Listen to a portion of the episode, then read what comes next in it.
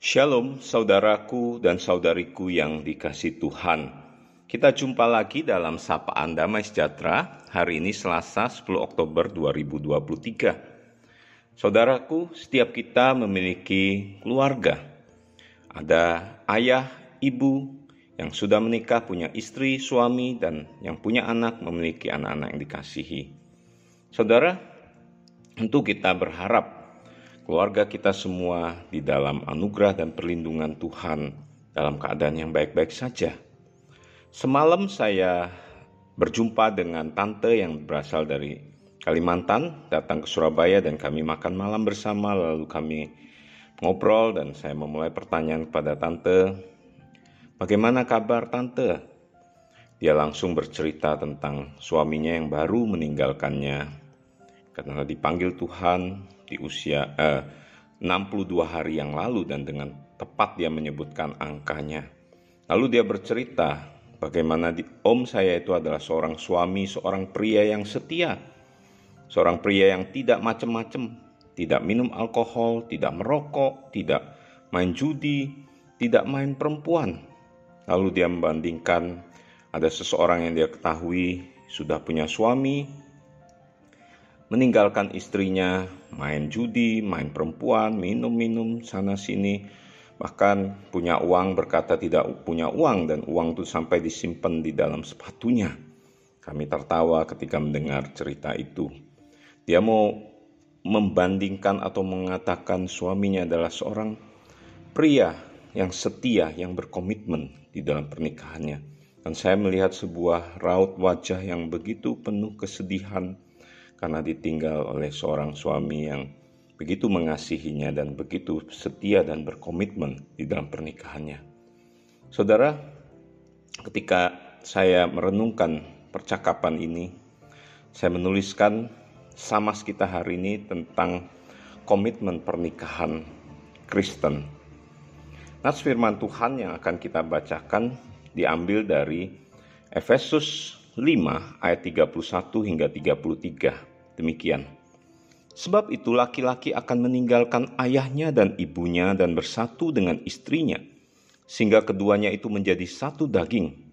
Rahasia ini besar, tetapi yang aku maksudkan ialah hubungan Kristus dan jemaat.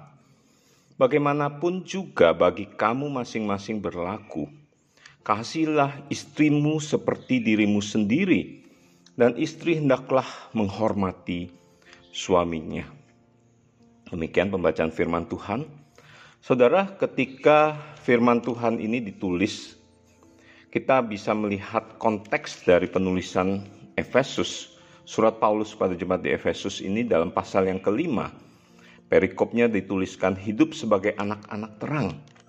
Di sini saya menangkap bahwa sesungguhnya Rasul Paulus sedang mengajarkan bagaimana orang-orang percaya pada saat itu untuk boleh hidup sebagai anak-anak Tuhan yang tinggal di dalam dunia yang penuh dengan lika-liku kehidupan. Hidup sebagai anak-anak terang. Di situ Rasul Paulus melanjutkan dengan sebuah nasihat tentang pernikahan. Hidup sebagai suami istri. Dan dengan tegas dia mengatakan bahwa laki-laki akan meninggalkan ayahnya dan ibunya dan bersatu dengan istrinya, dan keduanya menjadi satu daging. Di sini kita dapat melihat tentang sesungguhnya sebuah komitmen, bukan? Seorang laki-laki akan meninggalkan ayahnya dan ibunya. Seorang perempuan akan meninggalkan ayahnya dan ibunya, dan mereka akan menjadi satu. Di balik peristiwa ini ada sebuah komitmen yaitu komitmen untuk bersatu dengan meninggalkan ayahnya dan ibunya. Saudara, pernikahan Kristen adalah sebuah pernikahan yang didasari oleh Kristus. Makanya di dalam ayat 32 dikatakan, rahasia ini besar. Tetapi yang aku maksudkan ialah hubungan Kristus dan jemaat. Itu dapat kita baca di dalam ayat 22 dan seterusnya.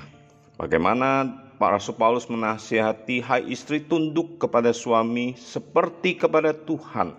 Karena suami adalah kepala istri sama seperti Kristus adalah kepala jemaat. Kristus adalah kepala jemaat. Suami memimpin istri. Dengan apa? Dengan mengasihi istrinya. Sama seperti Kristus mengasihi jemaat. Istri tunduk kepada suami seperti halnya jemaat tunduk kepada Kristus. Ini sebuah per, perbandingan yang Rasul Paulus mau tunjukkan bahwa bagaimana sebuah pernikahan Kristen yang memiliki sebuah komitmen yang begitu dalam memiliki sebuah rahasia yang sangat besar di mana sebuah pernikahan Kristen adalah sebuah komitmen antara suami dan istri seperti halnya Kristus dengan jemaatnya. Di sana dikatakan tadi dalam ayat 31 bahwa laki-laki akan meninggalkan ayahnya dan ibunya dan bersatu dengan istrinya. Saudara ketika kita mengingat bagaimana Kristus yang datang dari surga, meninggalkan surga datang ke dalam dunia untuk menjadi sama dengan manusia. Bukankah Kristus mengambil sebuah komitmen untuk mengasihi orang-orang percaya, orang-orang yang dikasihnya untuk boleh menerima anugerah kasih keselamatannya bukan? Dan ketika manusia merespon, tunduk dan taat akan Kristus dan perintahnya itu adalah sebagaimana istri tunduk dan taat kepada Kristus yang adalah kepala jemaat bukan? Ada sebuah tindakan komitmen antara Kristus dan jemaat. Ada sebuah tindakan komitmen antara seorang suami dan istri. Nah, inilah yang menjadi landasan komitmen pernikahan Kristen. Komitmen bukan karena saya sebagai seorang pria yang telah menikah kepada istri saya, lalu saya berkomitmen setia, sungguh-sungguh mengasihi istri saya, tidak macam-macam, tidak main perempuan, tidak main judi, tidak merokok, minum-minum dan sebagainya. Bukan, bukan seperti itu. Ketika suas, kalau kita melakukan seperti itu, ketika situasi berubah, begitu mudah sebagai seorang laki-laki untuk berubah, bukan? Ketika situasi berubah, begitu mudah seorang wanita untuk berubah, bukan?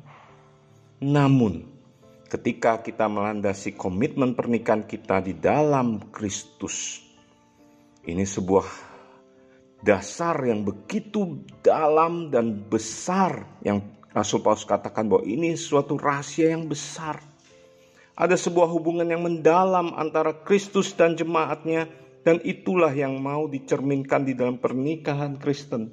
Antara seorang pria dan wanita yang tidak terpengaruh oleh situasi apa pun. Komitmen itu terus dipegang. Inilah yang membedakan pernikahan Kristen. Saudara, saya mau menyaksikan bagaimana beberapa puluh tahun yang lalu ya, mungkin sepuluhan tahun, ya sepuluh lebih dari sepuluh tahun yang lampau. Suatu ketika saya uh, uh, menengok pekerjaan kami di Kalimantan, berjumpa dengan kepala uh, yang mengurus di sana di Balikpapan ya. Kami berjumpa dan kami rencana untuk mengadakan meeting. Namun ketika di awal saya menanyakan uh, pekerjaan, lalu saya melihat bagaimana wajahnya uh, kok susah suram gitu. Akhirnya saya tanya kenapa kamu? Akhirnya dia bercerita saya mau cerai dengan istri saya. Kenapa? Lalu cerita sana sini sana sini masalah ini masalah itu dan sebagainya dan dia memutuskan saya mau menceraikan istri saya dan istri saya nampaknya juga demikian lalu saya diam saya mengkonseling dia Teman saya ini seorang non-Kristen ya, Bapak Ibu Saudara yang dikasih Tuhan. Saya mengkonseling dengan menggunakan firman Tuhan. Saya menceritakan apa yang tadi sudah saya sampaikan kepada beliau. Dan saya melihat waraut wajah yang bersinar ketika mendengarkan tentang kebenaran Tuhan ini. Bagaimana dalamnya sebuah relasi pernikahan Kristen. Bagaimana dalamnya sebuah komitmen pernikahan Kristen seperti halnya Kristus mengasihi jemaat, sebagaimana jemaat tunduk dan taat kepada Kristus. Dan apa respon dia? Wow, luar biasa ya pernikahan Kristen itu dia bilang. Saya baru pertama kali mendengarkan berita ini. Oke, saya bilang, kalau kamu sudah mengerti, telepon istrimu sekarang, minta maaf dan berbaikanlah. Lanjutkan pernikahan kalian. Baik pak. Dia sampaikan seperti itu dan dia langsung saya izinkan untuk menelpon. Dan puji Tuhan dia bilang istri saya merespon telepon saya ini dengan sebuah sukacita dan linangan air mata. Saudara yang dikasih Tuhan, itulah sebuah komitmen pernikahan Kristen Biarlah setiap kita yang mendengarkan firman Tuhan dan menjalani pernikahan kita, keluarga kita masing-masing, boleh melandasi pernikahan kita dengan sebuah komitmen pernikahan Kristen ini.